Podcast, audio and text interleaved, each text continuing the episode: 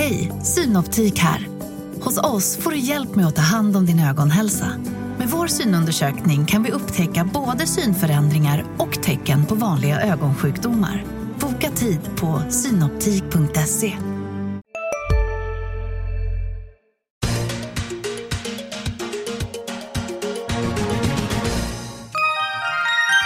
Erika Hallbäck, vad är Lendify? Lendify är en marknadsplats för lån mellan privatpersoner. Vi vill vara en allvarlig utmanare till storbankerna. Vi vänder oss endast till de mest kreditvärdiga låntagarna och vi har tillstånd från Finansinspektionen. Varför ska man låna ut pengar via er istället för att sätta in dem på banken? Hos oss får långivarna avkastningen och inte bara banken. Våra långivare har haft en genomsnittlig årsavkastning på cirka 7% Vi erbjuder ett alternativ till traditionellt ränte och aktiesparande. Vem står bakom Lendify? Några av landets främsta entreprenörer, bland annat Resursbank och Avito-grundarna och delar av Wallenberg och Lundin-familjerna. Tack Erika Hallbäck, investeraransvarig på Lendify. Hej och välkommen till Makrorådet. Som återkommande lyssnare vet är det dagens Industris podd om de stora ekonomiska frågorna. Jag heter Viktor Munkhammar. Med mig idag har jag Johan Javeus, analyschef på SCB och Johanna Jansson som är makroanalytiker, reporter, skribent, kommentator med mera här på Dagens Industri. Välkomna hit! Tack så, Tack så mycket. Ja, hörni, vi börjar med det här, den här kallduschen som Riksbanken fick igår. Eh, inflationsstatistiken för september visade på en klart trögare prisutveckling än vad Riksbanken hade trott. Eh, med KPI-måttet var inflationen 0,9 och med KPIF som då rensar för effekter av ränteförändringar var den 1,2. Det här var en halv respektive 0,4 procentenheter under Riksbankens prognos. Johan, vad ska Riksbanken göra nu? Ja, till att börja med så kan man ju konstatera att det var en rätt så bredbasig nedgång. Så det var inte någon, en, någon komponent bara som drog ner det här utan det var fallande, eller fallande pristryck på rätt många olika håll. Då, då. Så att jag tror att det här är, är någonting som Riksbanken bara egentligen får gilla läget. Vi tror inte att man kommer att förändra penningpolitiken som den ser ut just nu beroende på den här siffran. Och vi fick ju också lite kommentarer från en av Riksbanksledamöterna, då, Henry Olsson igår, som pekade lite i den riktningen. Men det är klart att det sätter Riksbanken riktigt på pottan när det gäller att få hem den här inflationsprognosen som man har, att vi faktiskt ska nå 2% till årsskiftet i år. Och det ser väldigt svårt ut just nu. Ja, den, den, här prognosen den är ju så färsk som september mm. och den då är redan en, en, halv procentenhet under. Ja, det går fort i hockey. Så är det även med inflationsprognoser. Och, eh, man kan väl säga så här att det är ju inte första gången som eh, Riksbanken står inför det här dilemmat då, att man måste revidera ner sin inflationsprognos. Sen är det ju så att eh, vi ser ju, precis som vi ska prata kanske lite senare om också med, med oljepriser och energipriser generellt, att de, de är på väg att stiga lite. Och eh, det är klart att det här kanske kan rädda Riksbankens prognos lite grann. Då, men jag tror inte att det är tillräckligt mycket för att de eh, eh ändå inte ska behöva göra en pudel och, och eh, revidera ner den här inflationsprognosen ytterligare en gång. Okej. Okay. Johanna, man brukar ju prata om en enskild siffra sådär och nu pratar vi om september. Men det är ju så att den här trenden med stigande inflation som vi ändå har sett under ett, ett och ett halvt år Eh, även under sommaren var det ju att det, det låg och, och tuggade och låg stilla ungefär eller till och med ner lite grann. Så det är ju inte bara en septembersiffra. Hur, hur tror de? För Riksbanken har ju ändå haft det här som ett, nästan som ett mantra att trenden är stigande, det kan komma tillfälliga bakslag. Går det fortfarande att hävda det, att trenden är stigande eller? Ja, det, är, det, det är tveksamt om det gör det. Precis som du säger så har ju siffrorna liksom hackat ner. Det är fortfarande så att man med lite god vilja kan rita ut en trendstreck som pekar uppåt. Men det är, även Även om en siffra inte gör varken en sommar eller en höst i inflationssammanhang så är det ändå det, det, måste vara en besvikelse och de kommer behöva revidera ner precis som Johan säger. Och det blir verkligen en knivig balansgång för dem här. För att egentligen så borde de kunna revidera ner och ändå säga att vi behöver inte göra någonting. Alltså säga att inflationen kommer vara låg av olika skäl. Men eh, vi gör så mycket vi kan och tycker att vi bör göra. Men eh, det här blir knivigt för dem hur de ska svänga runt det här. Jag tyckte också att, jag tror att Henry Olsson, det som han sa igår, han är inte en av de tyngre han är ganska ny i direktionen och han är inte den som är liksom en av de mest inflytelserika. Men det är ändå intressant att han säger att han liksom spelar ner den här siffran lite. Så att jag håller med Johan. Jag tror inte att de behöver kasta sig ut och göra mer nu direkt Eh, och de borde inte göra det heller, även om den här inflationssiffran var låg och kan vara besvärande. En faktor ska man ju säga är kronan som ju Riksbanken har siktat in sig mycket på och varit oroliga för att den har blivit för stark. Den är ju väldigt mycket svagare än vad både Riksbanken och de flesta andra hade trott och fick så ytterligare en kyss igår. Det är ju, eh, mot euron är det väl den svagaste kronan sedan 2010. Eh, och så var du inne också på att eh, energipriserna har stigit lite grann. Är det här någonting som liksom kan rädda skivan för dem eller vad, hur tänker de kring det tror du? Eh, jag tror att de är ju glada för att kronan ändå är så pass svag som, eh, som den är. Sen så tror jag inte att vi kommer att få se inflationseffekter av den här kronan som kommer rädda deras inflationsprognos i år. Absolut inte. Utan eh, jag tror att kronan idag är, det är svårt för dem att säga att nu gör vi mer beroende på att kronan har blivit så, så stark. Det kan de absolut inte Nej, det blir svårt när den är svagare än den har varit. Nej. Så ja. det, jag, jag, tror att eh, växelkursen kanske inte kommer att spela så avgörande eh, betydelse då för de två penningpolitiska beslut som är kvar under det här året. Men det är lite betydelse, för hade de, det kniviga för dem nu är väl kommunikationen. Att det gäller att hålla i det här att de vill inte säga att de ska höja på något sätt utan de vill inte vara först ut där. För då får de en kronförstärkning emot sig. Men med kronan ändå i en svagare trend, det underlättar ju för dem eh, ändå såklart. Och det måste ju vara positivt. Och det är väl också ett skäl till att ifrågasätta om de behöver göra mer. För vad ska de åstadkomma nu med att göra mer? Kronan är redan i en svag trend. Eh, de har lagt en våt filt över räntorna och ska de ut och göra mer QE så behöver de börja fundera på vilken del av marknaden de ska in och pilla i. För de köper redan väldigt mycket svenska statsobligationer. Så det är mm. väl det jag tycker är så här.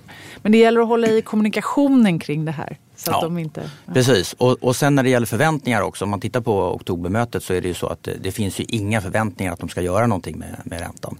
Eh, innan den här KPI-siffran så tror jag marknaden hade en halv punkt inprisad och nu prisar man in en punkts eh, sannolikhet för en, för en sänkning i oktober. Så att det, eh, en ganska fjuttig sänkning. Det är en väldigt fjuttig sänkning mm. i så fall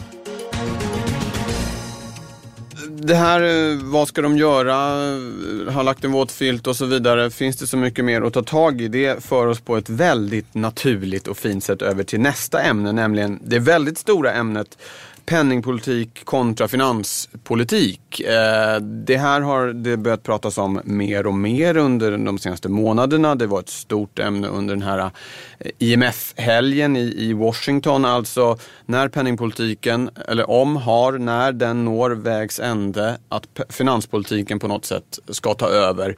Ehm, och det jag undrar är dels eh, vad, vad tänker ni om det här? Är det, är det här mest eh, önsketänkande eller är det någonting som faktiskt håller på att ske? Men framförallt hur ska det här konkret se ut? Det är lätt, lätt, att peka på finanspolitiken, men hur skulle ett sådant upplägg se ut? Vi har ändå haft en, under en 30 år den liksom, regimen i de allra flesta länder att det är penningpolitiken som ska stabilisera ekonomin. Johan, vill, vill, har du, vad har du för tankar kring det här? Ja, till att börja med kan jag säga så att jag tror att det här är till väldigt, väldigt, väldigt stor del önsketänkande. Ja.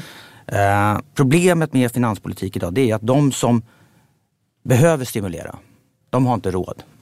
Och de som har råd, de behöver inte stimulera. Tyskland kanske är ett bra exempel och naturligtvis en del länder i Sydeuropa på andra ställen också.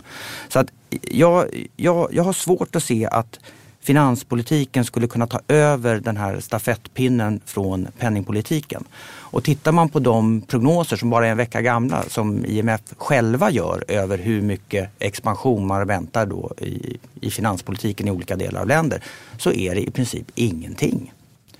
Så att eh, det pratas mycket men när det kommer till konkreta åtgärder så tror jag att vi kommer få se väldigt, väldigt lite. Eh, för att vi ska få se stora och samordnade finanspolitiska insatser då behöver man en, en rejäl, riktig kris. Inte vad vi har nu då eh, som är, det är mer, mer en sorts oro över att tillväxten inte riktigt har fart. Så då skulle det krävas en, en slags ny eh, finanskris men att ja. det till skillnad från då inte finns någonting att ta av inom penningpolitiken och vad ska vi då mm, leta efter för åtgärder ja. och då hamnar man i finanspolitiken. Precis, Ungefär så, så. så jordmånen för att expandera finanspolitiken på de ställen där det behövs tror jag fortfarande är, är väldigt begränsad. Ja. Johanna? Det är precis. Eh, jag har också tittat på den här IMF-rapporten. Och med, det är inte bara offentlig skuldsättning utan även privat skuldsättning som ligger och, som en tung ryggsäck från finanskrisen och de senaste åren på över 200 procent av global BNP. Så att, Eh, IMFs slutsats då är att man ska använda finanspolitiken på ett klokt sätt för att få till det här. Och du frågar vad som är klokt. Det, det rätta är ju sällan det lätta i de här sammanhangen. För det som man kan göra, som ekonomer ofta pratar om, det, det finns ju dels penningpolitiken och finanspolitiken men sen är det också strukturpolitiken. I idealet ska ju inte det kosta någonting på samma sätt. Om man använder finanspolitiken och strör eh, skattesänkningar och på så sätt försöker få igång ekonomin, det är en sak. Men strukturpolitik är att man får liksom, arbetsmarknaden att funka bättre. Man underlättar för företagen att eh, anställa och man underlättar för att skapa företag och sådär.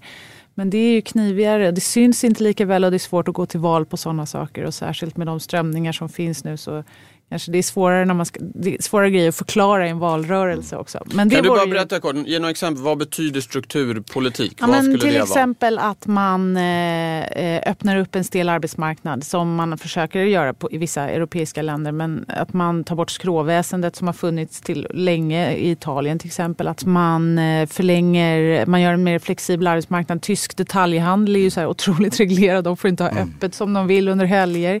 Det skulle kunna vara en sån sak. Det kostar ju ingenting. Det är inte så att det kostar pengar i form av budgetunderskott. Det kostar det. röster i val. Det kostar kanske röster i val. I Japan skulle man kunna eh, förenkla för kvinnor att komma in på arbetsmarknaden.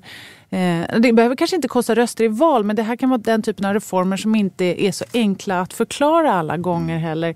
Det är mycket lättare att gå till val på att säga att man ska sänka skatten än att komma med någon komplicerad förklaring om varför det ska löna sig att ha eh, öppet i detaljhandeln på lördagar eller varför kvinnor ska komma in på arbetsmarknaden i Japan eller något sånt där. Så det skulle kunna vara, det är en lösning och tittar man på, det finns ju sån här OECD som är en samarbetsorganisation, de har brukat titta på det här och i en publikation som heter Going for Growth så ser man att eh, i samband med finanskrisen och precis efter, särskilt den europeiska skuldkrisen, så hade man mycket reformer. Eh, den här typen av strukturreformer. Men sen har man halkat efter. Ja, okay. Men sammanfattningsvis då, ni tror inte riktigt på, ni mera, mera snack än verkstad kring det här att finanspolitiken skulle ta över efter penningpolitiken? Båda absolut. Två absolut. Ja. ja, det tror jag också. Risken är väl att om det blir mer verkstad ofta i förhållande till snacket så är det risk att man tar de här enkla sakerna först. Alltså man spenderar sig ur det här snarare än att man reformerar sig ur det här. Det vore bättre att, att liksom reformera sig ur problemen och bygga en starkare ekonomi för framtiden så. Vi går vidare. Precis som du var inne på för ett tag sedan Johan så har, ska vi prata lite om energipriser. Det är eh, OPEC, alltså oljeproducerande ländernas kartell, eh, kom ju fram eh, med en slags preliminär överenskommelse i alla fall om att skära ner på produktionen. Det tror jag var för första gången på åtta år. Och det har fått fart på oljan som har gått upp en 5-6 dollar fatet och handlas till nästan 53 dollar här nu på morgonen. Jag ska säga att det är onsdagen den 12 eh, oktober när vi står och pratar. Ehm, kan OPEC lyckas ta tillbaka liksom makten över oljemarknaden? Vad ska man tro om oljepriset framöver? Vad är du Johan? Uh, ja, alltså det är ju tydligt att OPEC verkar ha bytt strategi. Från att så att säga låta alla producera hur mycket man vill till att nu återigen då försöka ta rollen då och begränsa produktionen. Och det är ju Saudiarabien som i så fall måste bära det tyngsta, tyngsta lasset i en sån, i en sån förändring. Eh, det pratas rätt så mycket om det nu och det är den nya normen för oljepriset som man, man hör diskuteras är 60 dollar. Och eh, en produktionsminskning då skulle väl kunna komma då eh, på OPEC-mötet i, i slutet av november. Och det, det gör ju att det här kommer ju ända fram till, till eh, det OPEC-mötet är, är av, avklarat så kommer det vara svårt för oljepriset att, eh, att egentligen gå ner speciellt mycket tror jag. Eh, därför att alla har den här förväntningen om att vi, vi kommer att se en, någon sorts produktionsminskning då från OPEC vid det, vid det datumet. När det gäller de långsiktiga utsikterna för oljepriset så jag, tillhör jag fortfarande de som ser, ser nedsiderisker. Dels har vi alla de här producenterna i, i, eh, i, USA som då med högre priser kan producera ännu mer och bygga ut sin kapacitet ytterligare och det har vi sett tidigare.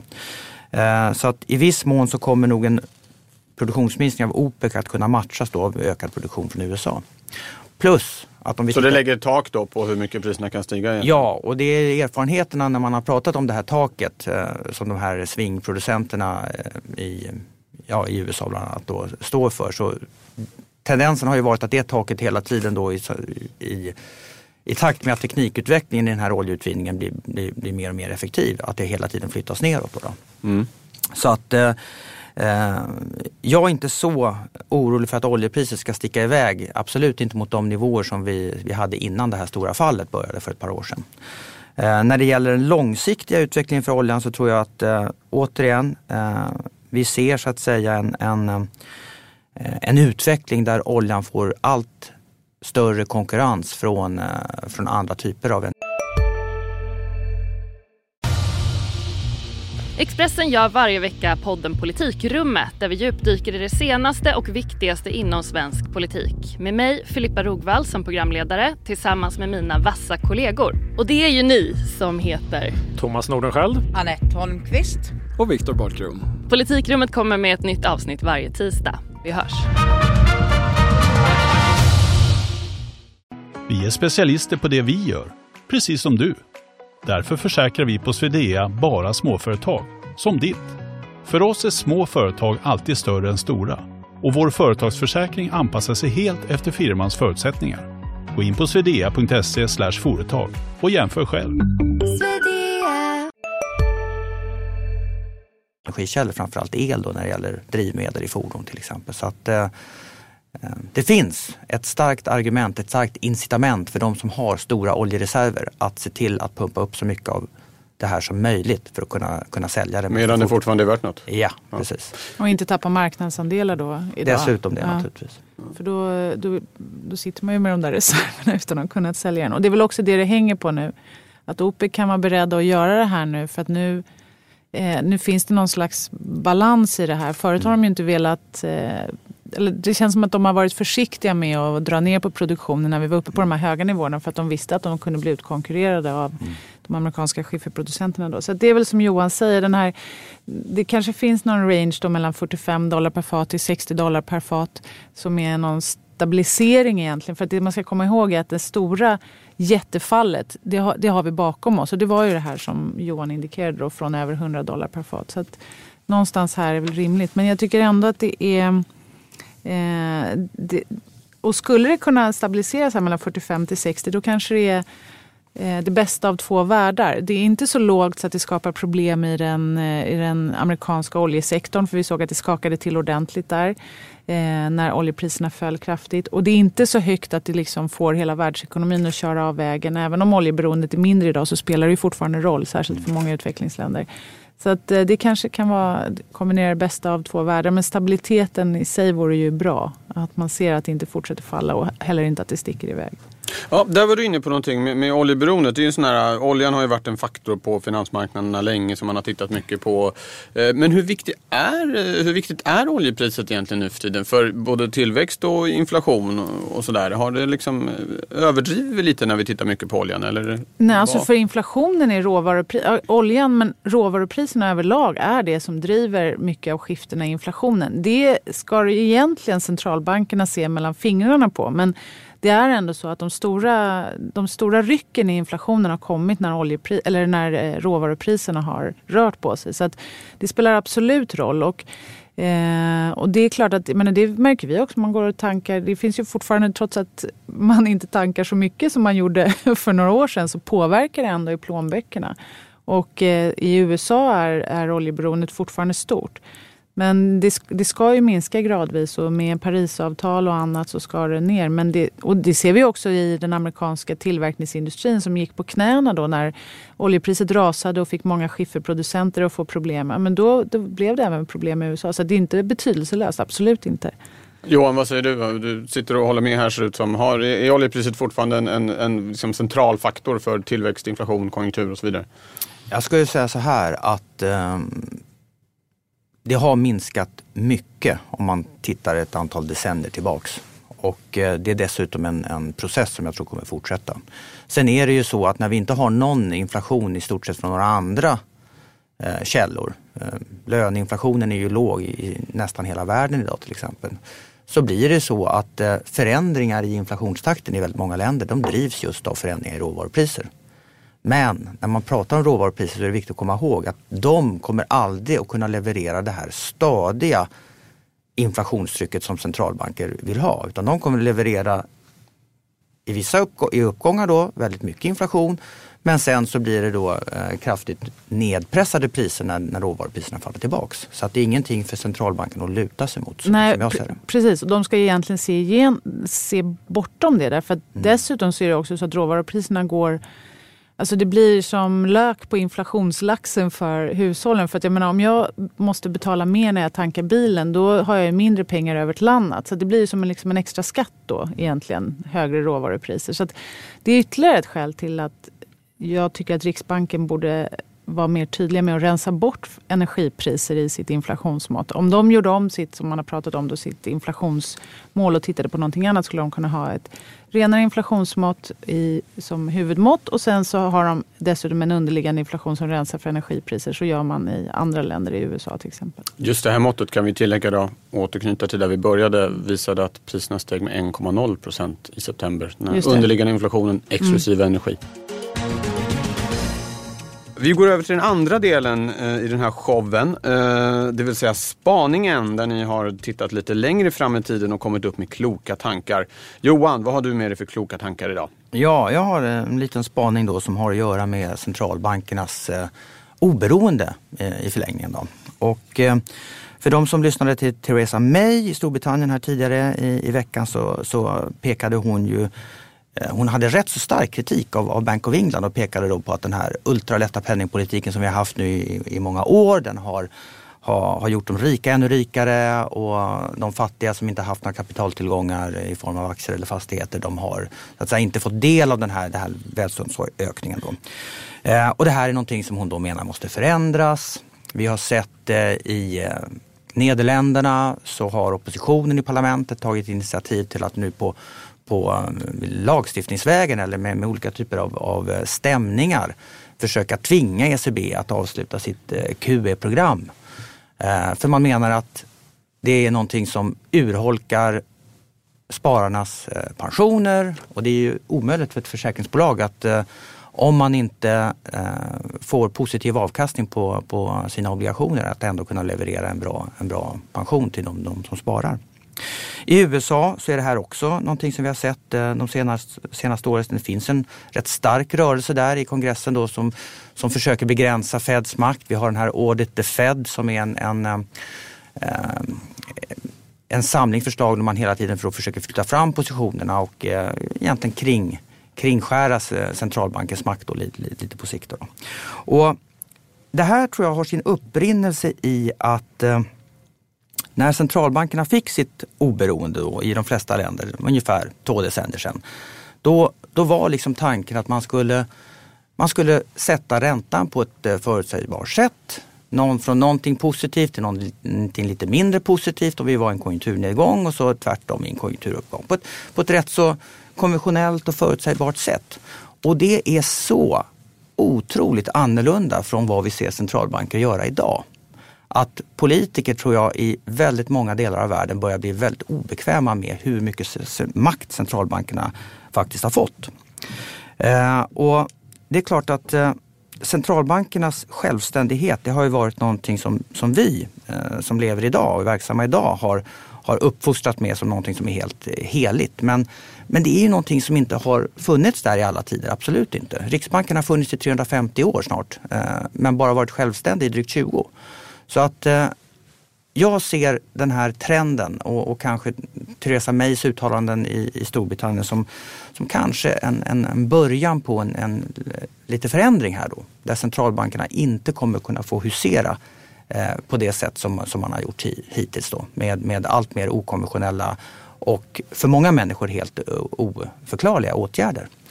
Eh, och det är klart att eh, den här diskussionen som var så het i somras om helikopterpengar till exempel, den ter sig Jordmånen för helikopterpengar verkar ha försämrats högst påtagligt här under, under de sista månaderna. Men ser du då en återgång till den gamla ordningen där liksom eh, finansministern bestämmer räntan ungefär? Eller? Alltså, man får ju ta det här i, i baby steps om man säger så. Då. Men, men jag tror att att för att centralbankerna ska kunna fortsätta, det, det, det har blivit mycket svårare i alla fall för centralbankerna att kunna fortsätta och driva den här väldigt, väldigt eh, exceptionella ultralätta penningpolitiken. När den dessutom har så stora inverkningar på, på områden som traditionellt har varit förbehållna för politiker. Det är så enormt stora fördelningspolitiska eh, förändringar som sker beroende på att centralbankerna eh, gör det de gör som normalt sett aldrig skulle kunna bestämmas av någon annan än, än folkvalda politiker. Du sitter och viftar Johanna. Ja, men jag tycker det här är superintressant för att jag, jag har tänkt på det här länge. Och, men jag tror att min tolkning är lite annorlunda. För jag, precis som Johan säger, att det, säger så är det här, det är svårt för att det, helt plötsligt så är centralbanken inne på fördelningspolitiken och det är de ju inte tillsatta för att sköta. Men jag, däremot så undrar jag om det är så att när man skapade de här ramverken som finns idag där det var så tydliga, det skulle vara så skarpa gränser mellan penningpolitik å ena sidan och finanspolitik å andra sidan. Så, så var det för att eh, den politiken där, där allting låg hos finanspolitiken inte funkade. Vi, då hade vi inflationskriser på 70-talet och lönerna stack iväg för mycket. Alltså I slutändan så är det det, vi vill åstadkomma samma sak idag som vi ville då. Man vill ha så låg arbetslöshet som möjligt och så hög sysselsättning som möjligt. Men nu när man säger att det inte funkar med, med central, centralbankerna gör vad de kan men finanspolitiken har gjort ganska lite här då efter finanskrisen egentligen. Så då är frågan, jag undrar om det inte kommer bli så att man Antingen att man börjar samarbeta mer och då tänker jag att då är helikopterpengar egentligen den perfekta lösningen. Därför att då hade man, hade man använt helikopterpengar från början istället för QE då hade man inte fått de här fördelningspolitiska problemen. För väldigt kort förklara bara, vad betyder Därför helikopterpengar? Helikopterpengar är helt enkelt att man i ett läge när inflationen är väldigt låg så kan centralbanken hjälpa eh, regeringen då till exempel i Sveriges fall med att finansiera eh, stimulansåtgärder. Eh, varför man inte får göra det egentligen är för att man var rädd för att inflationen skulle sticka iväg. För att om centralbanken bara trycker pengar hej vilt och liksom sprutar ut över regeringen så, så, drar de på med skattestimulanser och så får man en inflation som sticker iväg. Men nu har vi inte haft det problemet. Vi har haft väldigt låg inflation. Och istället så har liksom regeringarna runt om i särskilt i euroområdet har sparat pengar. Så att medan, eh, medan finanspolitiken har stått på bromsen så har eh, penningpolitiken stått på gasen och då har liksom nettoeffekten inte blivit särskilt stark. Men om de hade samarbetat från början då hade man till exempel kunnat tänka sig att istället för att Stefan Ingves köper svenska statsobligationer så hjälper han till att finansiera en höjning av barnbidragen eller en höjning av pensionerna eller något sånt där. Och då blir ju de fördelningspolitiska effekterna inte de samma. Som det är nu så finns det absolut en relevant kritik att säga att de här tillgångsköpen de har ökat ojämlikheten för att de har gynnat kapitalägarna mer än andra. Medan vänstersidan då skulle säga så här, ja men helikopterpengar. Så, så går ju debatten i de anglosaxiska länderna. Då är det ju vänstersidan som är för helikopterpengar eh, i högre grad än andra. Nu är det Johans tur. Mm, jag tänkte bara, jag, jag tycker det är jätteintressant det här just med helikopterpengar. För att eh, om en centralbank ska vara oberoende som den är idag så är det absolut förbjudet för en centralbank att använda sedelpressen för att finansiera statliga underskott. Och det betyder att om vi skulle ha helikopterpengar i Sverige idag, då skulle det ju faktiskt vara Stefan Ingves som bestämmer hur hög höjning av barnbidraget vi ska få. Mm. Eller hur ja, stor den skatterabatt vi ska få. Va? Och då har man ju tagit mm. ytterligare ett steg på den här den här vägen där mm. det är centralbankerna Nej, men så får som det, bestämmer. Precis. Och så ska det ju inte vara såklart. Och det är det jag menar, så här, ramverken finns inte idag. Ja. Men frågan är om, om resultatet av... Alltså om man säger att man har kört den här politiken med finanspolitiken för sig och penningpolitiken för sig så långt mm. det går. Så är frågan vad blir resultatet sen om man måste ändra någonting? Är det att de ska börja samarbeta mer? Men ändå vara liksom separata enheter eller ska man slå ihop dem? Så det är det som är frågan vad, vad som händer. Det kan ju också vara så att resultatet blir istället att man fortsätter med de här separata enheterna men att finanspolitiken nu får eld i baken som tar oss tillbaka till det vi började prata om nämligen att om penningpolitiken når vägs ände så måste någon annan ta över stafettpinnen och då blir det eh, finanspolitiken och så jobbar man för att få igång konjunkturen och ekonomin så jobbar man med med liksom finanspolitisk stimulans från och med nu. Det kan ju också bli mm. ett resultat. Nu är vi tillbaka lite där vi pratade i början, hur ja. finanspolitiken ska... Ja, det är ja. rörigt detta. Eh, Johanna, du ska få komma med en spaning också innan vi måste runda av för dagen. Vad har du grubblat på? Jo, det jag har grubblat på är ehm, eh, det är kanske lite kopplat också till det här. För eh, vi får lite oroande konjunktursignaler som man inte vill ha så här innan konjunkturen ens har dragit igång. Eh, alltså vi har ju haft, liksom, i och för sig kanske världens längsta återhämtning sedan finanskrisen men vi pratar fortfarande om att det är en seg efterfrågan i ekonomin och det var också temat vid de här toppmötena eh, hos IMF och Världsbanken som var i Washington i veckan. Eh, så det har ju ännu inte riktigt tagit fart. Löneinflationen, precis som Johan nämnde, är fortfarande låg i många delar av världen trots att arbetslösheten faktiskt är på den lägsta nivån sedan innan finanskrisen. Så att, eh, det, det, är lite segt och då får vi då lite oroande konjunktursignaler här. Och då tänker jag dels på eh, i, eh, i USA eh, sannolikheten för en recession där Fed har ett nytt mått som visar på att det är en väldigt låg sannolikhet för en recession. Men de här senaste småföretagarundersökningen visade ändå tecken på att småföretagen börjar dra öronen åt sig när det gäller anställningar. De vill inte nyanställa och nu nyligen har vi precis, eller vi har precis fått även Svenska Riksbankens företagsundersökning som också visade lite så här dämpningstecken. Eh, konjunkturoptimismen har minskat, man oroar sig för det politiska läget i omvärlden. Eh, och då är frågan, vad gör man då om konjunkturen vänder ner innan den ens har vänt upp och framförallt när vi har redan låga räntor eh, i dagsläget och en finanspolitik som tar tid att starta igång. Det är bekymmersamt. Jag vet inte själv vad man ska göra. Vi slutar i moll i, idag. Tack ska ni ha som har kommit hit. Tack ska du ha som har lyssnat. Vi är tillbaka igen den 26 oktober. Hej så länge!